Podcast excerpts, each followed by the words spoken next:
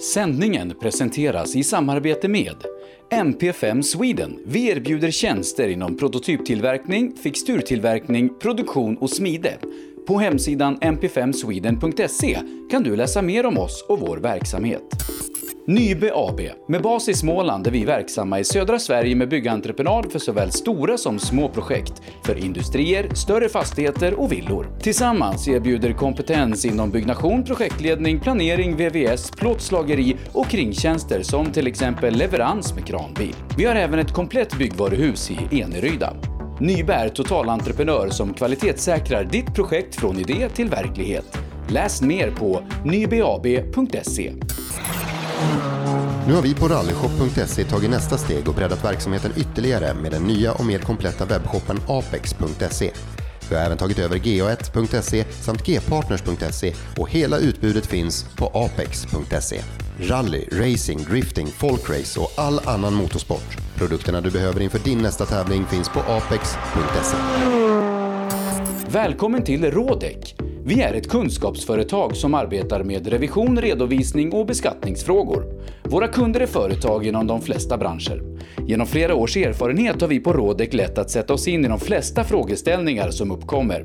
Vi samarbetar med Sveriges ledande rådgivare inom våra kunskapsområden. För dig som är företagare vill vi på Rådek vara det självklara valet. Så precis som vi sa i början, välkommen till Rådek!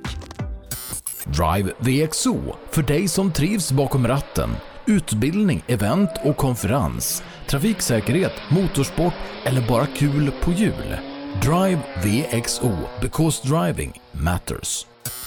Elinstanät är ett brett företag inom elentreprenadbranschen som erbjuder lastbilstransporter, alla typer av schaktmetoder och även schaktfri teknik såsom horisontal styrd borrning i både mjukmark och berg.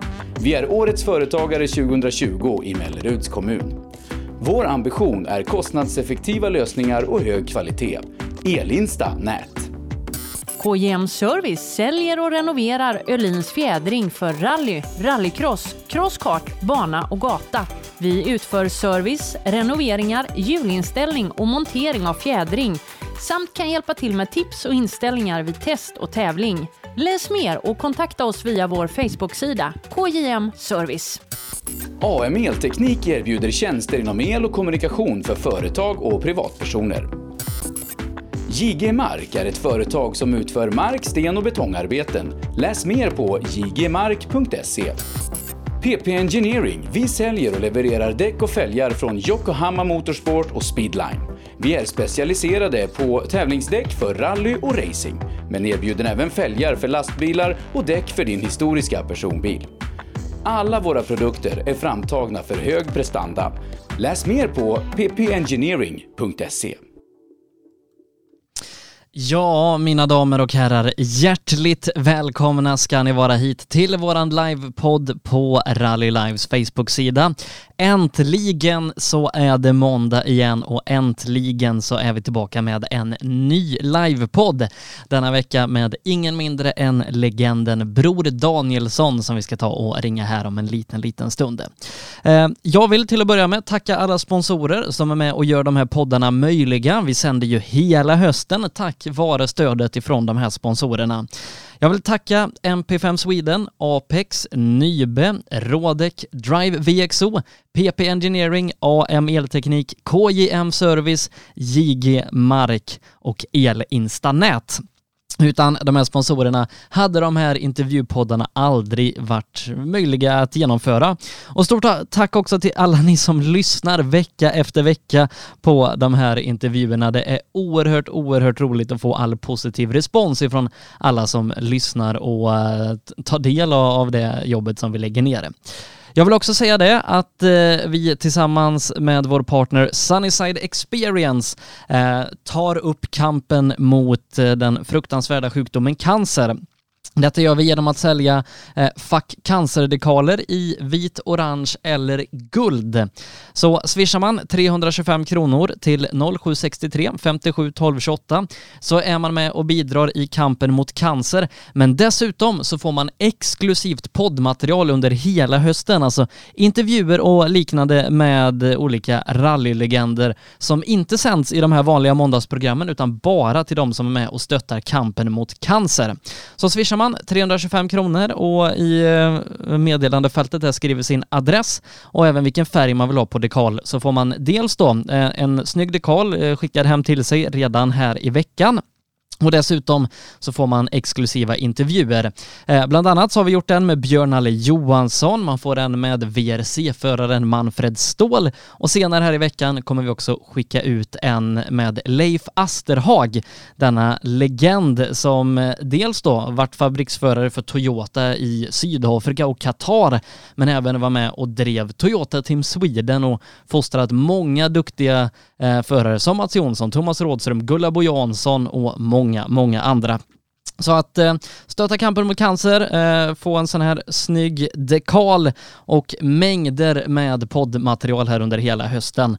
Eh, så var med och stötta det, så är man samtidigt då med och bidrar till poddens fortlevnad. Vi ska nu ta och ringa upp kvällens gäst. Ingen mindre än Bror Danielsson som sagt som är våran gäst den här kvällen. Danielsson. Hallå bror, det här var Sebastian i rallyradion. Hej hej. Hallå, Hej, hej. god kväll bror. Hur är läget? Ja, det är ganska bra. Ja. Ganska bra. Synd att klaga sig.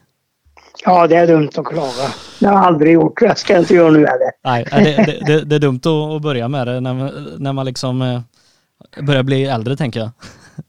Och klaga. Ja, och få, och få vara med om det jag får vet du, på äldre dagar. Och det får förunnat säger jag. Eh, Nu har ju vi pratat lite tidigare här i förra veckan och så. Jag vet ju att, att du har gått och väntat på ett ganska roligt besked idag, eller det kan varit ett roligt besked. Eh, Vill du berätta lite? Ja, det är ju det är stora racerrallyt som jag åkt eh, ja, tio gånger. Och sen har jag åkt en massa annat också i England och Skottland och Wales och, och Irland. Och det blir av. Det är konstaterat nu så flygbiljetten är klar på torsdag. Och eh, bil är klar och allting ska vara helt okej så det är fantastiskt. Så, så du ska alltså köra det historiska RAC-rallyt som är nu till helgen va? Ja, det börjar nu den ja, 16 är ja, lite shakedown och testa bil och 17 drar det igång. Eh, och, ja, lördag och eh, här är 11 sträckor och söndag är det 4. Så det ska bli väldigt spännande faktiskt. Ska du liksom ha med kartläsare och bil och grejer från Sverige eller finns det grejer på plats eller hur, hur ser det ut? All, allt är sponsrat i England. Och vi får förunnat, det är inte många från Sverige som har fått det erbjudandet förut. Och nu var det tydligen min tur. Så jag, fanta- jag trodde inte det var sant först faktiskt. Så jag fick nypa mig i kinden och ringa dagen på och fråga. Är det verkligen sant det här? Ja, det är sant. Med service, däck, eh, hotell, ja, rubbet. Så, Så det är som fabriksteamen var förr i världen. Jag, jag tänkte fråga dig, det måste vara som, som glada 70-talet igen. Ja, ja, snudd på faktiskt. Men nu är det liksom på ett annat nivå då, men det är väldigt kul att få, få ett sånt erbjudande. Det är få förunnat som jag säger i min ålder.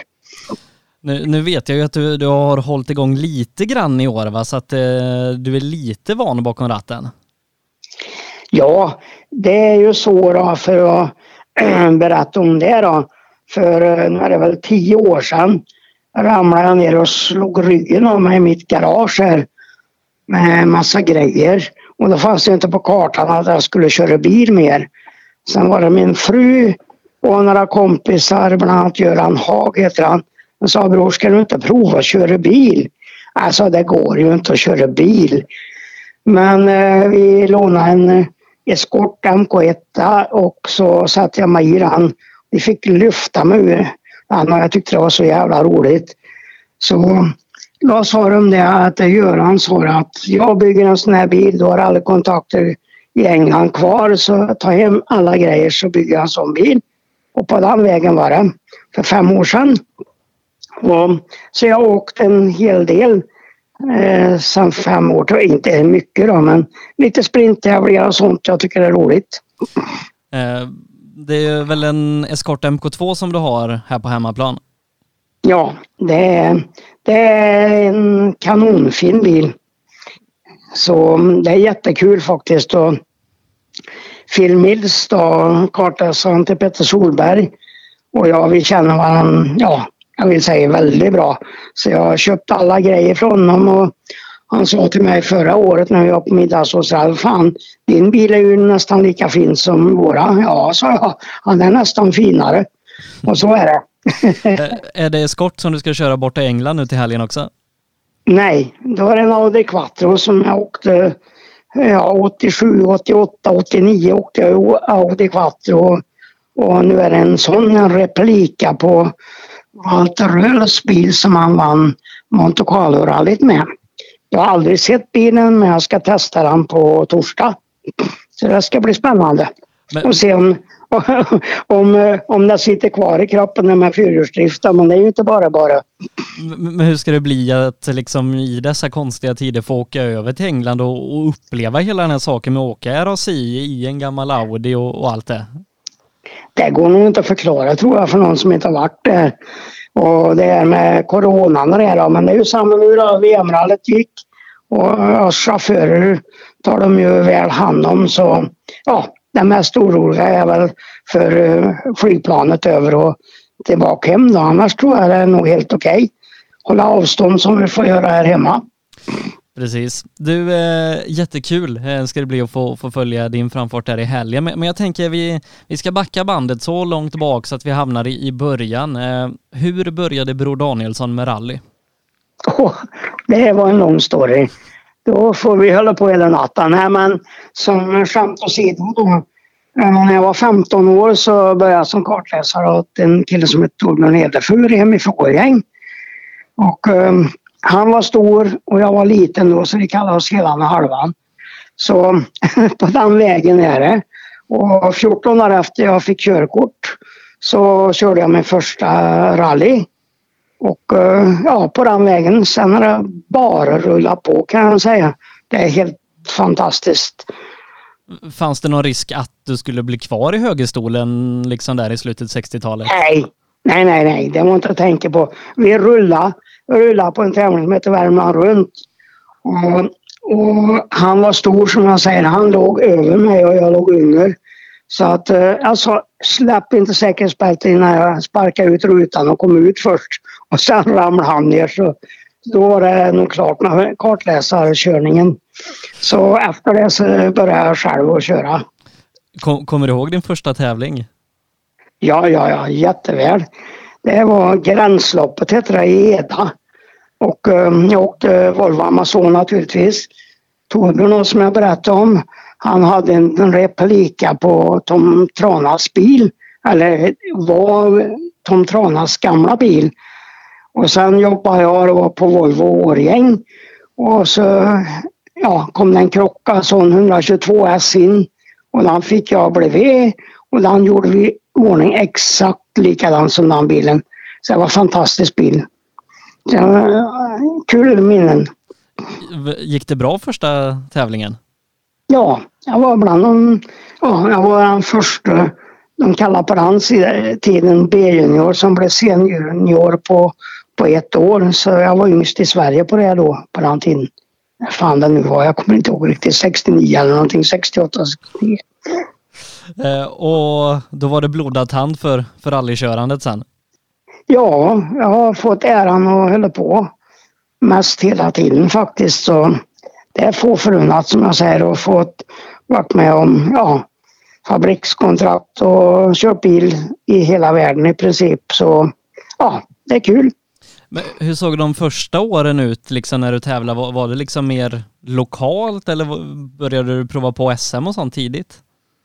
Ja, jag började nog ganska tidigt och prova på lite utav varje då. 68, 68 tror jag det var, 69 så åkte vi Svenska rallyt. Och bara det är en kul grej.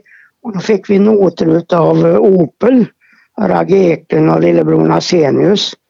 Och hade min svärfar som kartläsare. Vi hade ju de stoppade in noterna precis när vi skulle starta. Och det var ingen av oss som kunde det där. Och han läste och läste och sa farlig höger och ja, svag höger och sådär. Så efter ett par sträckor så gick jag bak till Nasenius och Cederberg frågade vad betyder F höger? Full höger? Ja, vad bra, sa jag. Så startade vi nästa sträcka och när han sa farlig höger så åkte jag fullt. Du kan tänka dig vad hans knogar, han höll i sig som fan. Ja, det går ju inte. Men så var det. Eh, men, så, men jag... så blev vi bästa privatchaufför i Svenska rallyt. Jag tror det var 68 eller 69 eller 70. Vi var bästa privatförare och eh, då blev vi bjudna till Irland och körde Cirque to Island. Det var helt fantastiskt faktiskt. Så ja, det har hänt mycket genom åren faktiskt. Eh, men liksom vi, vi kommer till, till Irland här sen tänker jag, men, men liksom när du var där slutet 60, början 70, eh, liksom ung aspirerande så, vad, vad var liksom målsättningarna? Vad hade du liksom för tankar och planer med, med din bilsportkarriär? Nej, då var det bara att vinna tävlingar.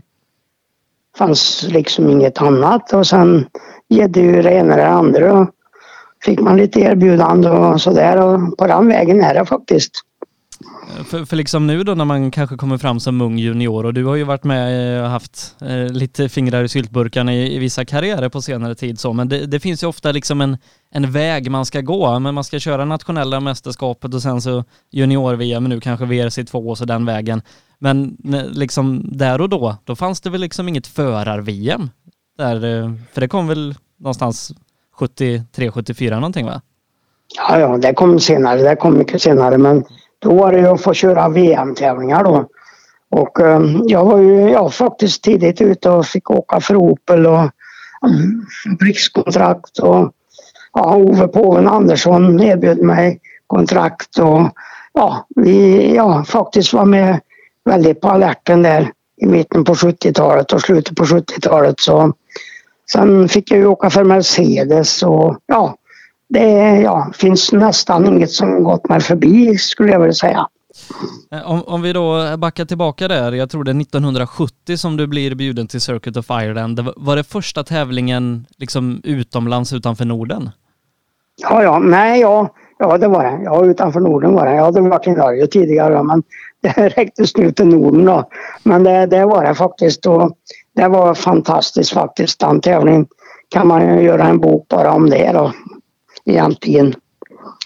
Så ja, vi, vi vann grupp 1 där och eh, vi hade problem och Kulläng till exempel att starta också och servicebilen gick sönder och Kulläng och min fru Margareta de lyfta med verktygslådor runt och ja, serva. Så det, det är helt makalöst egentligen. Och eh, när, när den tävlingen går i modern tappning nu så är det ju asfalt, var det det då också? Jajamän, och vi kom dit med, med i princip vinterhjul, alltså bara det var ju en succé då. hade du kört asfalt innan det? Nej, nej det var nog första tävlingen på asfalt faktiskt. Det var det säkert. Hur, hur var det liksom att, att, komma och uppleva en annan rallykultur än, än den svensk-norska som du hade fått uppleva innan? Ja, det var helt makalöst. Och min svärfar då, han hade ju inte för det första kunde han ingen engelska och hade jätteproblem. Så när vi körde av startrampen så sa han, nu svänger du till höger här, sa han. Jaha, sa jag, vad fan ska vi göra där? Jo, nu väntar jag lite. Och efter att ha startat Paddy Hopking och han var ju väldigt känd där. Så när han passerade så sa Sven-Erik, nu åker du, sa han. Och så åkte han och så lärde han sig roddboken där upp till första sträckan. Det är rätt häftigt. Ja, det kan jag tänka mig. Eh, du, du körde ju liksom där i början på 70-talet. Eh, det var, det var kadett du körde då? Ja, det var kadett. Det var Opel Kadett jag började med det. Och sen åkte vi ju då ja, Svenska rallyt och, och lite utav varje. Jag fick hjälp av en kille som heter Sundberg. Och jag har honom att tacka mycket för min framgång. För jag hade inga pengar och han hade pengar och köpte bil och sen tyckte vi att vi skulle åka BMW efter det 72-73. Och då vann jag första SM, tror jag det var 73. Och sen ja, rullade det på. Och på båten över ifrån England med RAC-rallyt när vi vann där så fick jag kontrakt med Opel. Så sen 74 körde jag i Opel då, ända fram till, till, jag körde väl till 80-talet men 79-80 där sen började jag åka skott bort till England och lite åt varje. Eh, hur var det att, att gå från, från kadetten till en BMW 2002? Ja, det var ju då på den tiden man hittade ju 2002 TI och det var ju en vinnarbil. Så att det var ju fantastiskt faktiskt. Och uh, vi vann ju då SM och ja, det gick i kanon för oss. Så, ja, det var kul. Eh, körde du liksom helt privat eller fanns det någon koppling till BMW? Ja, BMW, BMW Team var ju med och hjälpte till då. Och på den tiden hette det Gulf då. De, de hjälpte till en hel del. Hur mycket frågar man inte. Men eh, ja, det gick ju i princip runt då. Så det var ju, på den tiden var det häftigt faktiskt. Eh, jag, jag, jag kollar lite resultatlistor och grejer så och, och hittar bland annat där 72 Svenska rallyt ehm, så kommer du 10 eh, totalt i, i BMWn och liksom hur var det att, att köra Svenska rallyt i, i BMWn? För det är ju en ganska liten bil kan jag tänka mig och eh, passar väl ändå ganska bra på svenska vintervägar? Ja, den var ju inte så liten. Kadetten var ju mindre egentligen. Men sen till 73 så kom det ju att vi åkte dubbfritt. Och det var lite häftigt faktiskt. Det berättar jag idag faktiskt. Vi, de håller på att göra en bok om mig och det är liksom ja, ja, många har velat gjort det under tio år men nu, nu är den på gång. Och det ska bli jättekul och då kom jag på idag. Då åkte vi, eh, vi åkte dubbfritt det året 73. Och det var otroligt. Ove Påven Andersson och jag hade bra kontakt. Och då sa han att vi ska åka på ett däck som heter Kontikontal. Och det heter Kontikontakt. Det var alltså dubbfritt på den tiden. Och uh, han hade kontrakt med Pirelli tror jag det var så han fick inte åka på det. Så det åkte jag på och vann grupp 1 där och var med bland de tio totalt tror jag med, med grupp 1-bilen. Så det var ja, en story som jag berättade en gång förut idag faktiskt. Hur är det att köra Svenska rallyt utan dubb? Ja, det, det ska vi inte prata om. Eh, speciellt på träningen. Vi snurrar hit och dit och alltihopa men, men själva tävlingen blev det ganska bra med snö. Så det gick bra då. Och speciellt för mig då som hade de här specialdäckna då. Som var, ja, som vi kallar det idag då, dubbfritt. Som var ett mjukare gummi på grejer. Och jag kommer ihåg, vi gick i mål då och då eh, flög jag till eh, Stockholm till Continental däckimportören eh, och hade presskonferens måndagen på. Så det var lite häftigt. Jag fick till och med klocka utav dem. Uh, du åker över till Skottland 1972 också? Ja, det gjorde jag kanske. Ja, det gjorde jag nog. Uh, och, och framförallt så Vad tror tänkte du på då? uh, nej men framförallt tänker jag senare på det så gör du väl ditt första av, av många uh, RAC-rallyn? Ja, ja, ja. ja. Det var ju då i början på 70-talet. Uh, och, och, nu ska du köra RAC här till helgen som, som vi pratat om. Men hur var det att komma till den här kanske en av de allra mest ikoniska VM-tävlingarna för första gången? Ja, det var fantastiskt faktiskt.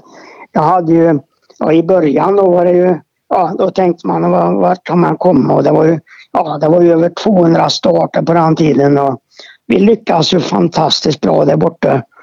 Och, ehm, ja, och få komma tillbaka dit nu då. Och jag fick ju hjälp av Tony Fall och Mike Broad och ja, jag har, jag skulle väl säga nästan lika mycket kompisar och mekaniker bort i England som jag har här i Sverige.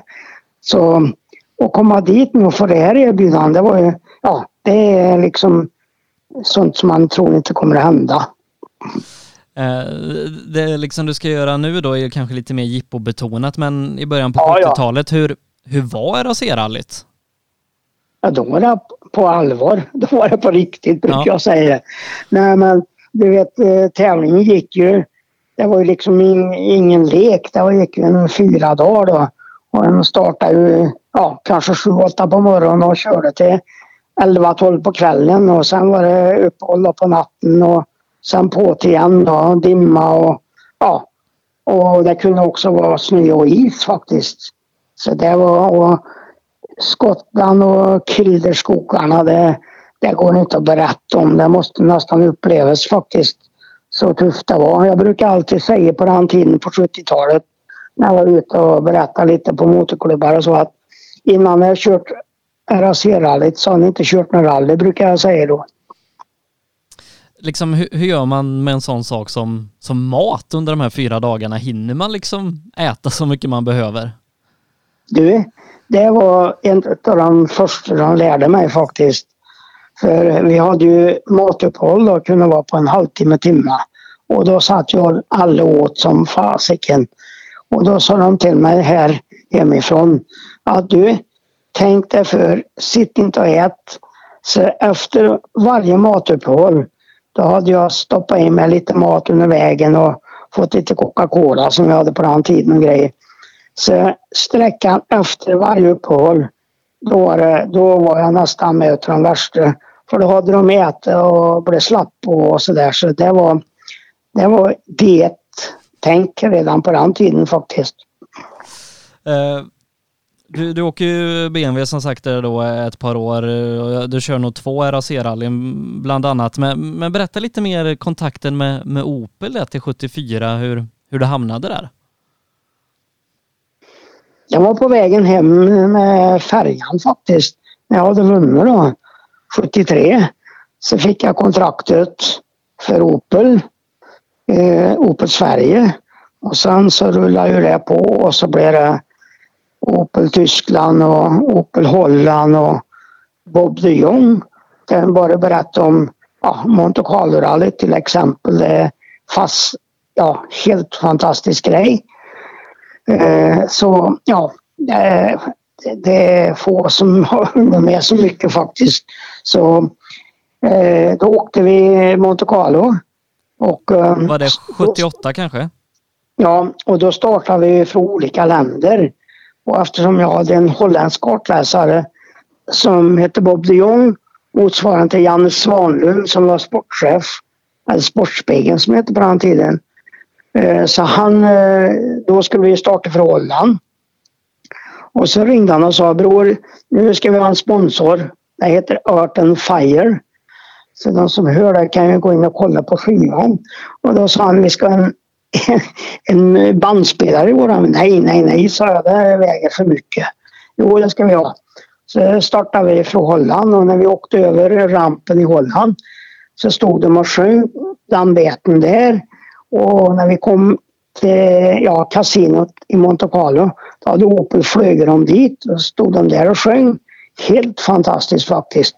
Så ja, det, det var ett Monte Carlo och vi vann ju grupp 1 som det hette på den tiden och ja, det är roligt. Hur var det liksom för dig att efter att ha kört mer eller mindre privat få, få ett kontrakt med Opel där till 74? Ja, det var ju, det var ju jag inte trodde det var sant då, men nej, ja, det, det var jättehäftigt. Fick träningsbil, jag hade en träningsbil hemma som jag kunde åka ut på kvällarna och, och testa lite. Och så hade jag en, en SM-bil som stod i Stockholm då, i Hammarbyhamnen som kom direkt till start på sträckan, ja, på SM-rallyna. Och sen fortsatte det så, och även på RAC. Och vi åkte ju Kanada, Quebec till exempel, och, ja, som var VM då. Så Men liksom var, var du anställd och hade lön av, av Opel de här åren? Ja, jag hade... Men jag hade ju det är också fantastiskt. Jag, jag jobbade för en firma som heter Brandsfälls och vi var ju borståterförsäljare på ja, västra Sverige kan man säga. Så jag var, jag var ju som säljare där då. Och eh, jag hade aldrig problem att få ledighet. Och ja, en av de få som har ett 180 knick, jag var med och utvecklade det i guld. Utav dem så, ja, på den vägen var det. Och uh, när jag skulle ha ledigt för rally så sa de, ja inga problem. Det är klart, du får jobb i kapten när du kommer tillbaks. Så, så var det och hade lön hade jag naturligtvis men det var inga stora pengar på den tiden men det var i alla fall så vi överlevde. Eh, liksom när, när du kom in i Opel 74, vad var ditt huvudsakliga tävlingsprogram? Det var ju SM då som gällde. Eh, och um, ja, hur, hur, gick det om man ska se SM och så kan vi prata mer om internationella starterna sen, men hur gick SM de åren med Opel? Jag vann ju det då. Ja, det är ju bra. ja, det var väl... Men jag skulle åka, det hette ju grupp 2 på den tiden och så kom det en bil som hette Standard B. Och det kallar jag pysburken. Det var en Opel Kadett 1200. Och så mitt i säsongen, vi åkte Rovaniemi i, i Finland och Jyväskylä 74 med, med värstingbilen då som jag kallar special. Och så sa de nej, nu har den bilen blivit klassad, nu måste du åka den. Nej men vad fan, det har inte jag i mitt kontrakt tyckte jag. Jo men du åker där de fyra sista tävlingarna, vinner du så är det okej. Okay. Och det gjorde jag. Då, till nästa år då, så börjar de igen. Du måste åka standardben.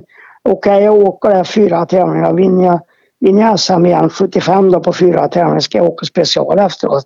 Och så blev det. Så det, det var helt okej. Okay. Eh, hur var det för dig att få, få bli svensk mästare i rally? Ja men det var ju, ja på den tiden var det största du kunde göra hemma i Sverige då. Eh, och Opel-teamet är då, det, förutom du själv då, så, så var det ju många eh, som, som körde i Opel-teamet, må, många stora namn. Vilka liksom var dina teamkollegor på den här tiden? Det var Anders Kulläng. Och jag, jag, jag har ju pratat med Nalle Johansson mycket om, om hans relation med Kulläng. Hur, hur upplevde du det att jobba vid hans sida? Ja men du, vi firar nyår i 25 år hos varandra med barn och allting.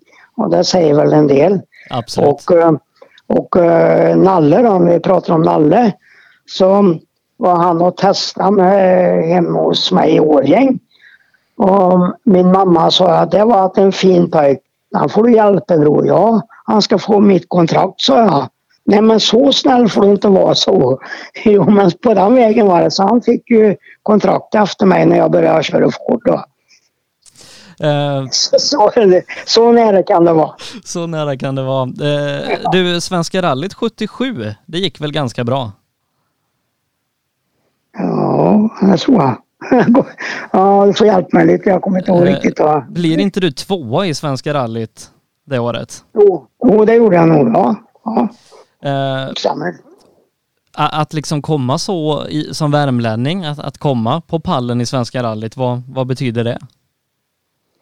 Ja, det betyder väl mycket då, men vinna är ju bättre vet du. Ja, det, det är ju klart att det är. ja, så det, ja, så jävligt är det. Så då, då sved jag nog rätt så bra för det var nog inte så mycket om att göra. Nej, eh, du blev tvåa det året bakom Stig Blomqvist, men 13 sekunder före Anders Kulling, så bästa Opel i alla fall. Ja, ja. ja men du vet, Stig och jag, Anders och Per, vi har ju haft fighter genom åren hela tiden. Så att vi känner varandra utan och innan och kors och tvärs. Och, så det har varit mycket, mycket, mycket roligt. Eh, men eh, som du var inne på där, eh, i slutet av eh, 70-talet så, så började du köra en hel del Ford, eh, framförallt borta i England. Ehm, hur, hur kom det sig? Ja, jag hade bra kontakt med David Sutton och sen hette en annan Tony Messlen och ja, på den vägen var jag. Jag körde både England och Skottland och Irland och ja, lite av varje för dem faktiskt. Det var jättekul. Eh, för du hade börjat köra lite i England redan med, med Opel, eh, 77 någonstans tror jag? Ja, ja, det stämmer. Det stämmer. Eh, och liksom hur var att, att köra liksom VM och, och RAC, det kan jag tänka mig är en sak, men eh, hur är det att köra så att säga nationella tävlingar i, i England eller var på den tiden? Ja, det var ju jättetufft. Det var ju konkurrens och helt otroligt. Och alla hade ju värstingbilar. Eller alla ska jag inte säga, men väldigt många då. Så det var tufft och det var, det var en hård skola och jättekul. Jättekul faktiskt. Eh, körde du privat eller med någon typ av fabriksstöd när du åkte Ford där borta? Ja, både och. Jag behövde aldrig betala någonting om man säger så. Jag fick ju inga stora pengar. Men jag hade ju allt, allt betalt med resor, hotell och, och rubbet då. Så bara det var ju en bra grej. Eh, och liksom eh, de här åren som, som du åkte mycket i England, vad, finns det liksom Finns det några tävlingar, eh, minnen, resultat som utmärker sig? Ja, det, det, minnen finns väl hur mycket som helst egentligen. Men eh, resultat?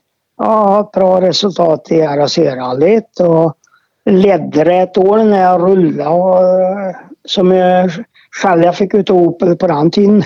Det vet inte fan jag fick.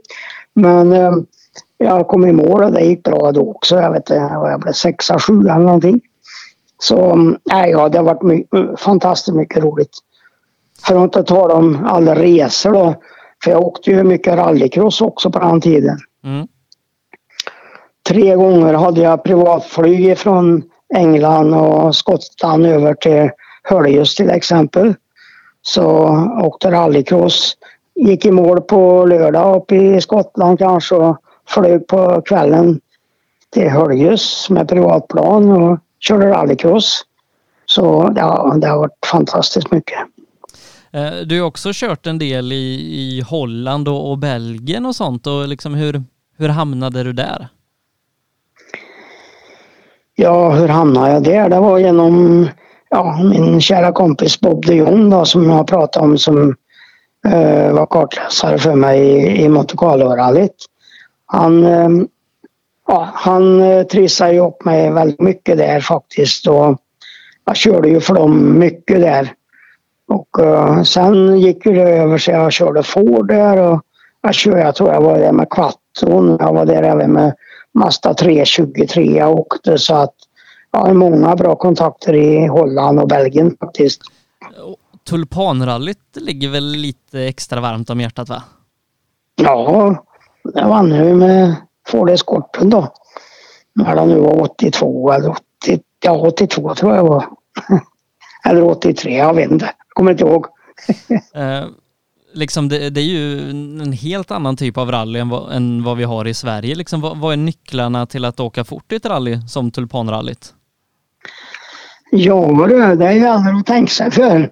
Och det, det, var ju, det är ju så att det går ju mycket på asfalt. Och eh, det är ju inte asfalt som vi har här då utan en del sträckor var ju liksom blandat med grus och asfalt och kunde vara lera på sträckorna och ja, det var som blankis som jag säger på en del ställen så fick verkligen åka med insidan där. Uh, det är väl liksom uh det genas väl en hel del och så, det blir väl ganska liksom slirigt och lerigt på asfalten också? Ja, det är ju det, det, är det jag menar. Det blir som blankis på en del böjar. Så när den kommer in så får den nästan läsa hur ser det ut i den här böjen. Har de genat så mycket så det är ja, massa lera när man kommer in eller inte. Så ja, det var ett jävla tufft rally faktiskt. Har man kanske någon, någon fördel som, som nordbo att ha åkt mycket på, på snö och is i till exempel vid Svenska rallyt när man kommer till ett sånt oförutsägbart rally vad gäller grepp som tulpanrallyt kan vara? Ja, det, det tror jag faktiskt. Det är väl ingen, eh, ingen konstighet att det är så många svenska förare som har lyckats utomlands. Vi, man lär i den skola man går, säger jag. Och här har vi ju både grus och, och snö och is och jag tror att det är en väldigt bra skola faktiskt och är fortfarande. Um. Du, du pratade lite om, om tävlingen i, i Kanada där i, i Quebec 1978. Hur, hur var det att köra rally på en helt annan kontinent? Ja, det var häftigt. Det var häftigt. Eh, vi åkte i en, en park där, en djurpark faktiskt. Och den, den var drygt 10 mil lång. Man kan du tänka dig, i en djurpark. Och när vi åkte in på den och tränade fick vi skriva på att vi inte fick gå ur bilarna för det var ju, ja du vet, björnar och vargar och vad fan det nu var, lejon. Så den sträckan var ganska tuff när man körde rallyt. Och komma över. Man ville ju gärna inte bryta där inne. Jag tänkte fråga dig, vad hände om man skulle åka av inne på djurparken? Ja, det vågar inte ens tänka på. Nej. uh, jag, jag, när jag liksom tittar lite resultaten eh, så fastnade jag vid Svenska rallyt 1979. Ehm, tyvärr kom du inte i mål i den tävlingen men jag noterade att du bröt på sträcka 38 och, liksom, och det ger ju kanske lite perspektiv mot hur rally ser ut nu när det svenska rallyt har någonstans runt 20 sträckor. Eh, hur var det att åka så långa tävlingar som det var förr i tiden? Du, det var rally på riktigt på den tiden. Faktiskt. Jag brukar skoja med pojkarna och säga att det är ju sprintrally, ni åker alltihop. Så att eh, nej, det var häftigt. Eh, bara för en, en eh, kommentar till det. Hur många mil tror du jag har tränat till Svenska rallyt? Ja, jag, jag, jag har ju pratat lite med Nalle om hur, hur det var så, men kunde det vara liksom kunde man köra ett par hundra mil, kanske tusen inför ett, ett Svenska rally? Du vet, man fick ju åka då på den tiden. Eh, så vi började ju åka, ja det både jag, Stig och Per och Anders 14 dagar före ungefär för att inte behöva köra. Och varje kväll vi träffs uh, kollar vi varandra hur mycket mil har du kört? Och fan, jag har blivit 70-80 mil idag eller någonting sånt där. Uh, och då kan du räkna ut det på 14 dagar. Så jag har faktiskt räknat på det. Det är helt otroligt. Jag tror jag har tränat Svenska rallyt runt 30 000 mil. Jag har kört det 25 gånger då. Det är helt brutalt. ja, det är helt, helt makalöst faktiskt. Så ja, det är, det är häftigt. så är det. Men, men ser man nu då med, med, med noter och sånt, förarna har ju, de har ju stenkoll på sträckorna. Du kan nästan liksom säga en not till, till dem så vet de vilka svängar som kommer efter. Eh, oerhört noga med rek och, och video och allt sånt där, men när det är 40 sträckor eller mer, har man koll på alla? Nej men du vet, vi hade ju inte sådana grejer på den tiden. Vi hade ju inte det. Men däremot tränade vi ju så mycket så att vi hade ju, jag kan väl säga det, en del sträckor hade jag bara noterna som stöd för att veta att här är det. Men idag kan, sitter de ju framför tvn och tittar på sträckorna och skriver noterna eller kollar noterna efter vad de har kört. Så där är ju skillnaden. Det är ju som, jag, ja, jag hjälpte Pontus igång i, ja, när han började här med Ford och ja, alltihopa hela vägen när han juniorvärldsmästare. Och det är ju, nu måste man ju då ha den här videon och gå hem på kammaren på kvällen och kolla över sträckorna man har åkt och se om noterna stämmer i princip. Men det, det går ju, det, det, blir ju jättebra på, på tvn eller på videon eller vad man nu vill, datorn. Hur, hur liksom lägger man upp farten eh, för en så lång tävling så att man inte ja, kör varken för fort eller för långsamt när det är så många sträckor? Ja, en bra fråga. Men man tänker väl inte riktigt så. Utan man åker nog så mycket man vågar. Och så tänker man väl en hel del på däcken då. Som på den tiden. Vi hade ju flera hundra däck att tillgå. Man skulle ju ha däck om det skulle bli snömodd. då skulle jag vara längre utstick. Och så hade man annat om det skulle bli isigt och hade man annat om det blir mycket grus. Och så är det ju mycket bättre idag. Att då är begränsat antal däck, that's it. Får du hur, hur ser det med dem? Så där, där har det hänt en hel del. Om man liksom ser till, till det kroppsliga att köra en så lång tävling, hur är det fysiskt och, och psykiskt att, att köra så många sträckor, så många mil över många dagar? Ja, det är väl därför ni är som ni är, brukar jag säga. Nej Men lite så, man var i alla fall tvungen att vara i bra trim då. Det är helt klart. Eh, jag var ju till exempel ute och sprang en hel del på den tiden och försökte hålla mig i ja, väldigt god kondition. Körde du, du körde lite cross också va? Ja, det gjorde, ja, det gjorde jag. Jag körde eh, en crosscykel för att där var du tvungen att ha balans och fart och broms och kondition. Så det hade jag som träning faktiskt på, ja när var det då? Mitten på 70 någon Eh, du, du var inne på det lite där med Mercedes. Eh, jag tror det är 1980 i Akropolisrallyt så får du chansen att köra en, en Mercedes eh, i team med Björn Valdegård då. Hur hamnade du i, i Mercedes den tävlingen? Ja, en bra fråga. Eh, då hade jag ju vunnit Tulpanrallyt tror jag det var. Och då ringde Björn till mig. Vi var faktiskt på skidsemester jag och frugan och, och barnen. Eh, och eh, då ringde Björn. Och så sa han Mercedes vill du ska köra för dem. Mercedes sa jag. Ja. Jag ska också köra säger Björn. Jaha vad är det för Mercedes? Ja, en sån där stor 450. Jaha alltså, men hur går det till då? Ja, sa han, de vill du ska köra. Och eh, det var bara att tacka ja. Och det var fantastiskt faktiskt. Och det var en automat. Och um, det började med att jag flög, jag flög ner till Stuttgart. Och um, blev uppklädd utav Boss, du vet Boss kläder Ja. i fabriken. Skulle ju vara ja, kostym och grejer och flott då. Eh, Det var ju inte lite munpojk i frågan. Men eh, så var det. Och sen bar det iväg så jag var nere och kastade 14 dagar före Björn för han hade åkt eh, det rallyt en gång tidigare. Eller en gång, han kanske har åkt fler. Och eh, mig ville de sätta en, en rutinerad kartläsare så jag hade ju Ove Påvens högra hand Sölve Andreasson åkte med mig. Så mm, vi åkte där och gick ju jättebra faktiskt. Jag tror det var fyra, femma totalt. Det var en succé. Och så på en transport gick det en styrled sönder på den här bilen mot slutet så tyvärr fick vi bryta. Hur, Men ehm, hur, hur det liksom var det att köra ett så tufft rally som Akropolis om vi, om vi börjar där? nej men det var ju det var häftigt. Häftigt var det. Och automat tänkte jag till att börja med men det gick ju kanonbra faktiskt.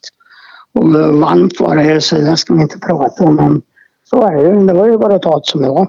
Och jag, ja, jag tappade rösten och jag fattade ju inte vad det berodde på. Men jag hade ju inte fått nog vätska. Så varje service jag kom till så hällde de en 10 liters skänk över mig och jag fick dricka en liter vatten och grejer. Men det var, det var helt, helt makalöst faktiskt. Jag, jag tror faktiskt att det var över 100 ekipage som bröt Akropolisrallyt det året. Ja, det är säkert. Säkert, inklusive mig då. Ja, Och det, det var oturligt faktiskt för det var på en transport som en styrled gick sönder och det var väldigt synd. Men så är det. va- var det prat om. Det var det prat om en fortsättning med Mercedes? Ja, ja, ja, ja, ja, ja, absolut. Men det var ju inte mitt fel för det var ju ja, mitt på en transport som den gick sönder då. Och det är ju sånt som händer. Och hade jag kommit i mål där så har jag säkert fått kört väldigt mycket mer. Och det beror, ja, det är ju så tillfälligheter säger jag. Ja, ja verkligen. Ehm, Du, du började åka lite Masta eh, i, i början av 80-talet. Ja, En sån här RX7. Ja, det, det är en rolig grej faktiskt. Det var ju, har ju också med Ford att göra. Så jag tror det var 80, 82 så ringde de. David från Ford ringde och sa att Bror, du har inget kontrakt på RAC. Kan du tänka dig att åka Mazda RX7? Ja, vad är det för bil? säger jag. Han ser ut som en Porsche, en vankelmotor i. Och eh, ja, det, varför skulle jag inte göra det? Så då ringde jag till Olle Olsson i Uppsala och frågade om de hade någon sån och det hade de. Så jag åkte dit och tittade hur den är, så han såg ju rolig ut. Så jag tackade ja. Så kom jag till England. Eh, och så kom in i ja, verkstaden där och så frågade jag dig, var är min bil då? säger jag, för det stod två bilar där flott uppallade. Ja, du får välja, sa han, för samma bilar. Ja, men ratten sitter på fel sida David, säger jag. Ja, säger han. Men det sa du inte. Nej, då har du inte kommit. Det var hela kommentaren, så det var bara att bita ihop och köra det. Så jag lovade jag växlade många gånger i väggar då. Och det, det gick faktiskt, eller i dörren. det gick kanonbra. Ända till på en transport när vi fick stå i kö då. Och då kokade han så vi tyvärr fick bryta. Men påföljden på det blev att Olle Olsson, det var så Mazda Sverige startade faktiskt. Så när jag skulle lämna tillbaka bilen jag hade lånat av honom, en vanlig bil, så sa jag där vi kan väl prata lite. Ja men vi ska inte prata rally sa han. Men innan jag åkte därifrån så hade han beställt en bil ifrån England. Fast vänsterstyr så jag åkte ju 83 då åkte jag den bilen i svenska ja, SM-serien då. Men tyvärr räckte inte motorn riktigt till då, så att det blev ett år bara och inget mer. Sen blev det Volvo efter det. Ja, eh, för du tävlade med, det var 240 turbon du tävlade med bara va? Ja, 240 turbo åkte jag 80, jag blev 84, 85 då. Och det var samma, det var, det var också eh, Volvo Göteborg inblandat. Vi skulle köra worldwide med den men bakväxlarna höll inte så att eh, 86 då så sa jag väl om till Quattro tror jag. Åkte Audi där två, tre år. Och sen blev jag tillbaks till 323 igen, Mazda 323. Men hur var 240 turbon att, att köra? För att det, det byggdes ju inte jättemånga, framförallt inte i rallyskick så att man, ja, var man inte med på den tiden så är det få förunnat att ha sett dem in action. Ja, eh, min bil var först eh, rallybilen faktiskt som Volvo hade och honom i Gera. Alltså det var, det, var, det var en jätterolig bil. Han gick ju som så. Det var jättekul att titta i backspegeln på den. Det sprutade grus hela tiden. så den, den var en rolig bil. Den bilen såldes faktiskt till David Gillander i, i Skottland året efter då, 84 blev det väl då. Sen kom han tillbaka till Sverige igen då, som ny. Så ja, det står det för sig. Eh, men på den här tiden, mitten 80-talet, så, så du tävlar betydligt mer i Sverige nu än vad du gjort eh, ja, tidigare tio år? Ja, ja, ja. Ja, det är ju blivit det nu då på äldre dagar. Det är liksom, ja, det ena gör det andra brukar jag säga. Man, man tar ju det enklaste vet du. Eh, du, du hamnar ju i Audi där som du säger 86, men du kör väl ett par tävlingar i en Subaru innan det? Ja, det gjorde jag. En Leone. Eh, och liksom Subaru har ju blivit kända för oerhörd framgång med, med Impresan eh, på senare tid. Men hur, hur var Subaru som rallybil i slutet på 80-talet? Ja, då var han inte så värst. Men sen blev ju mina kontakter i England igen, då, man säger, med ProDrive. Jag hade ju en kille som hette Mats Nordström som började skruva på mig när han var 17 år. Och när jag fick kontrakt i England då så var jag så dålig på engelska. Jag ska inte säga du, duktig nu heller men det är lite bättre och då fick jag mitt kontrakt att ta med mig en svensk kille och det blev Mats Nordström. Och han var med och startade upp hela ProDrive och ja, var där ute i 30 år. Eh, Faktiskt, så det är häftigt. Den här Leone då, var det, var ProDrive liksom de som byggde den? Nej, nej, nej, nej, nej. nej. Det, det är Leonen, om det är den du tänker på. Ja. Det, det var ju här hemma då som den byggdes och Janne Karnborn byggde motor och lite grejer. Så att eh, det var, det var en kort story faktiskt för mig var det. För det var samband med, med Volvon. Jag märkte att han räckte inte till då 84, eller han räckte till men, men det gick inte att vinna med Och då skulle vi åka fyrhjulsdrift så då provade jag en Leone där. Ett år var det väl men det var ett kort år. Och, men sen Sen körde jag Subaru när den Impresan kom och hade väldigt mycket kontakt med Brodrive och ja, hade jippo på min bilfirma. Så alla, ja, Colin Science och McRae och allihopa kom ju, kom ju till mig när de kom till Karlstad och vi hade jippo. Så körde jag en Impresa där då. Vad blev det? 95 var det väl? 95, 96, 97 här hemma i SM. Och sen eh, körde Torgny Mogren och jag rallycross med han en säsong tillsammans. Så ja, ja det har varit en del. Eh, men du, du kör ju Audi eh, ett par år också i slutet av 80-talet och, och varför blir det Audi? För det var en bra bil då. ja, det var ju fyrhjulsdrift och ja, den, den gick ju jättebra faktiskt. Jag vann ju en hel del med den bilen och bra resultat i svenska och lite utav varje faktiskt. Så det var en kul tid och, och lite stöd ifrån Audi Sverige då hade jag på det där. Eh, och um, sen kommer du tillbaka till, till Mazda igen där? Uh, Ja, 323 Ja, 323 ja. Och uh, varför blev det Mazda? Jo, för den var ju, den var ju en vinnarbil då. Det var väl 90-91 någonting. Och vi fick fram extraktslådan. Och han som äger det ex, stora extrakt då i England, han hade skruvat med på Ford-tiden så jag fick ju tag i en sexväxlad låda då, som var svårt att få tag på på den tiden. Och, ja, så där åkte vi ja, två år tror jag det var. Uh, du, du, kör li, du kör lite internationellt också efter ett par år med väldigt koncentrerat tävlande i Sverige. Så är du tillbaka i Tulpanrallyt, Belgien, Tyskland och lite sådär. Ja, jag var lite varstans och åkte faktiskt. Så det, det är kul. Ja. Men eh, liksom på, på den här tiden då, början 90-talet, var, var det liksom så att säga pri, privat satsning mer för skojs skull än vad det var när du jobbade för Opel och, och tävla? Eller hur? Ja, det var ju mer privat men jag hade ju bra sponsorer och ja, Värmlandsbanken och Clarion och lite av varje så att det var, ja, det var privat men det var ändå ja, eh, en bra budget på det så vi kunde åka sådana här tävlingar och lite bestämma själv vad jag ville åka då så att eh, det var, det var en fantastisk tid faktiskt. Men sen körde du väl ett, år i alla fall i, i Toyota?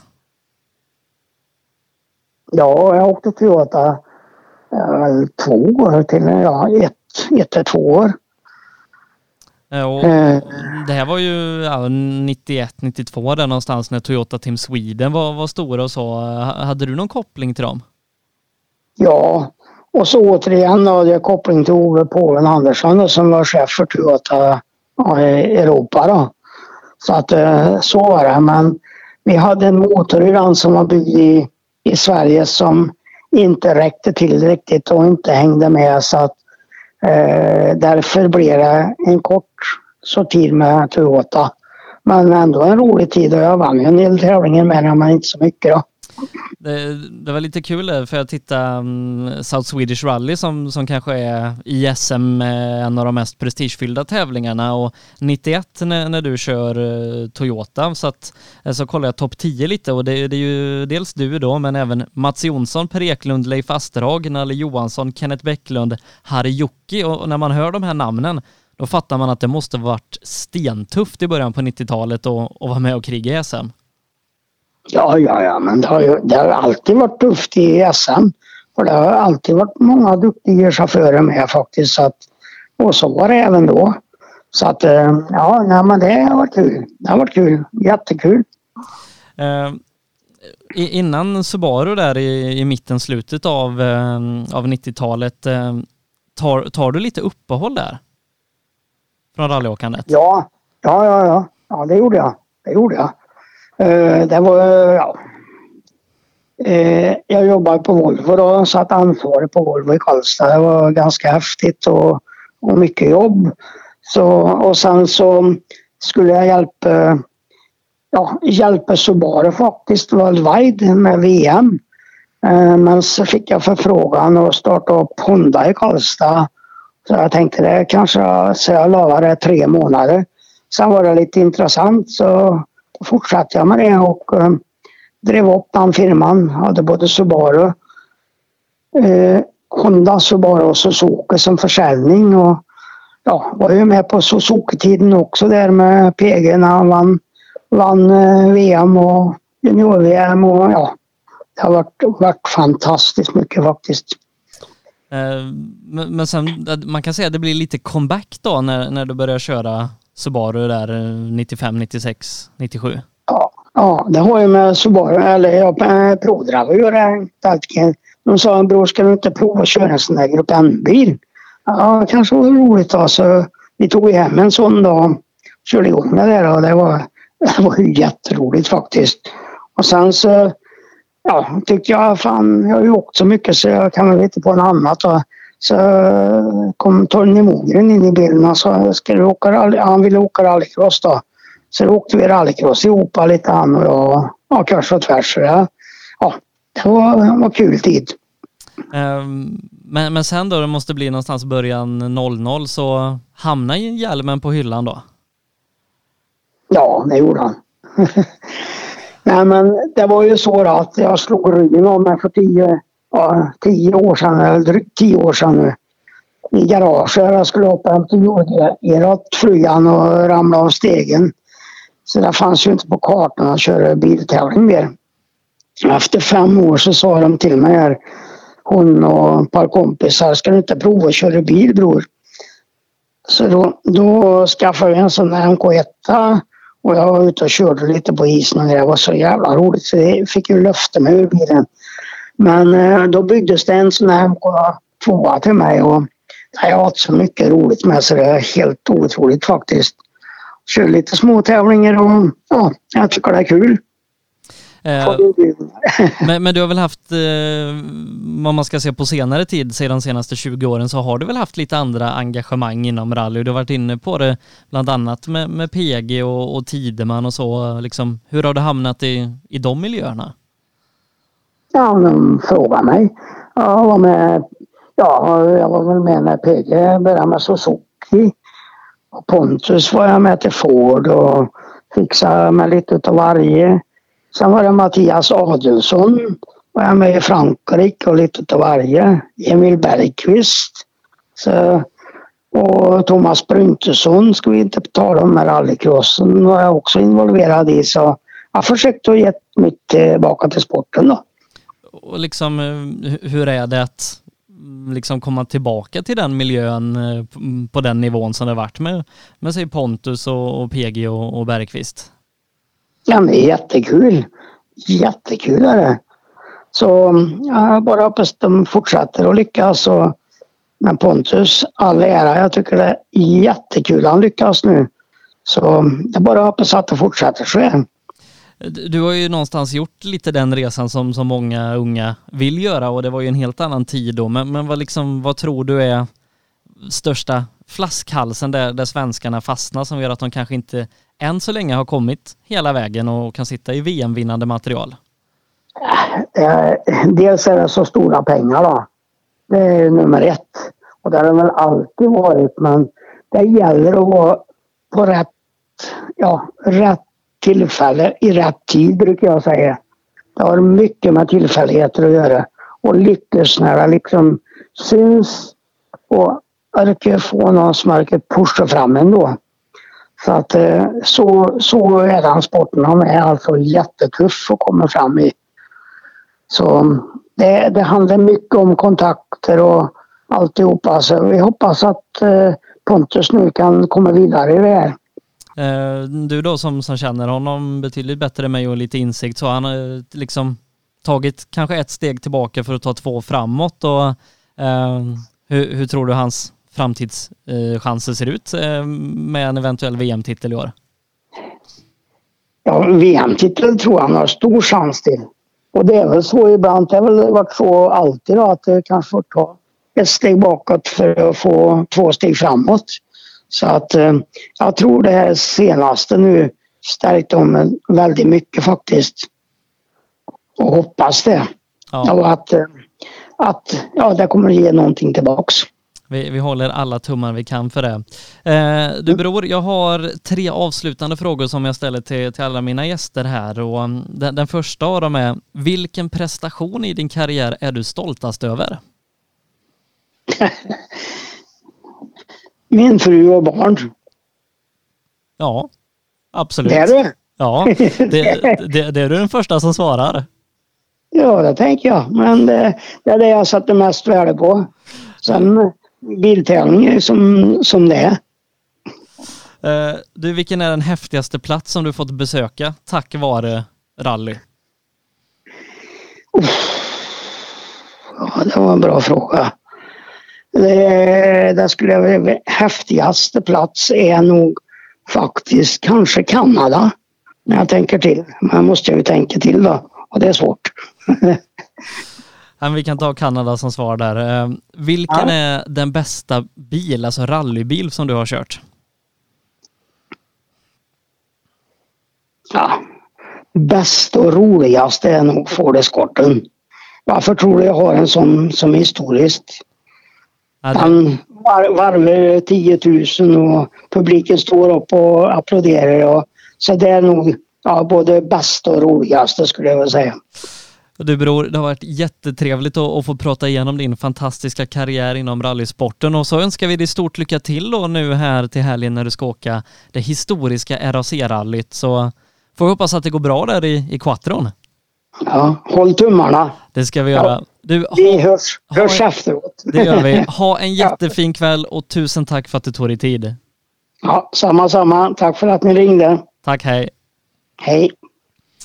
Ja, mina damer och herrar, där pratade vi med legenden som är Bror Danielsson och vi fick gå igenom hela hans fantastiska karriär med eh, Opel i Sverige och VM-tävlingar och eh, hur han hamnade i Masta och segrade i Tulpanrallyt och mycket, mycket annat fantastiskt roligt att, få prata med Bror Danielsson.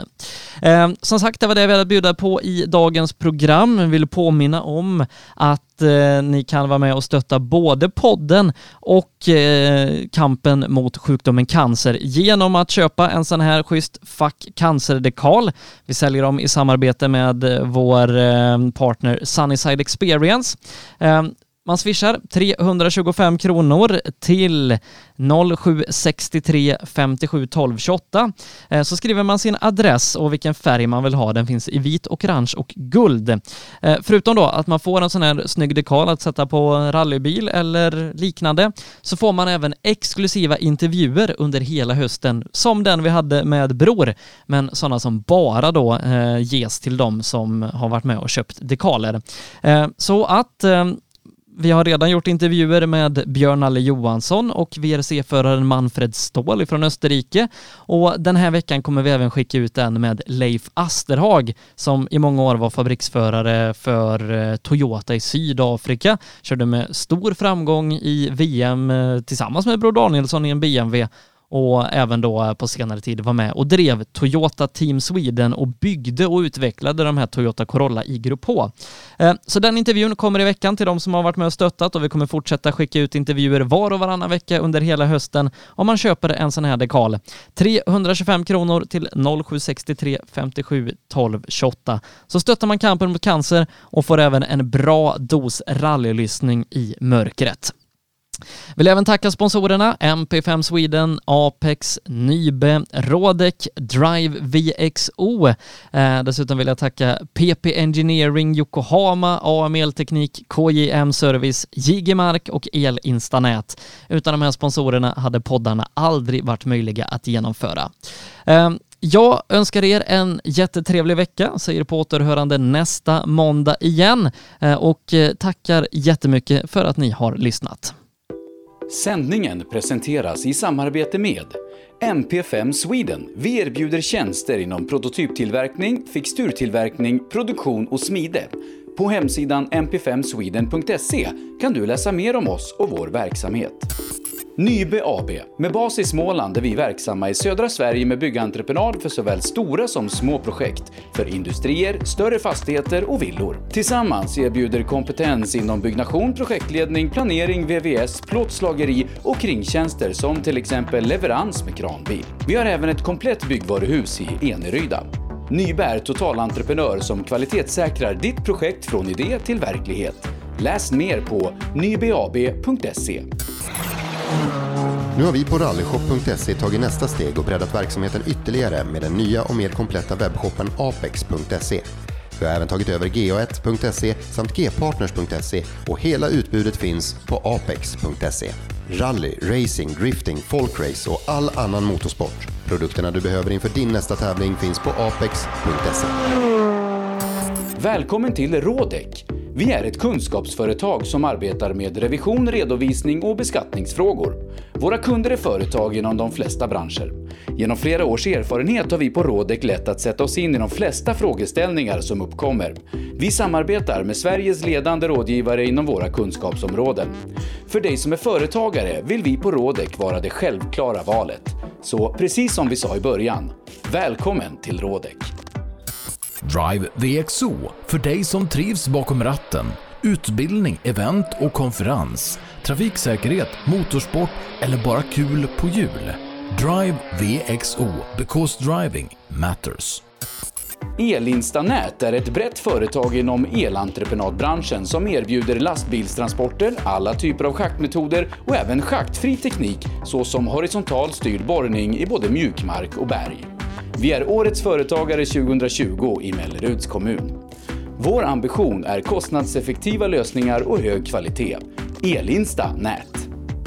KJM Service säljer och renoverar Öhlins fjädring för rally, rallycross, crosskart, bana och gata. Vi utför service, renoveringar, hjulinställning och montering av fjädring samt kan hjälpa till med tips och inställningar vid test och tävling. Läs mer och kontakta oss via vår Facebook-sida KJM Service. AM Elteknik erbjuder tjänster inom el och kommunikation för företag och privatpersoner. JG Mark är ett företag som utför mark-, sten och betongarbeten. Läs mer på jgmark.se. PP Engineering. Vi säljer och levererar däck och fälgar från Yokohama Motorsport och Speedline. Vi är specialiserade på tävlingsdäck för rally och racing, men erbjuder även fälgar för lastbilar och däck för din historiska personbil. Alla våra produkter är framtagna för hög prestanda. Läs mer på ppengineering.se.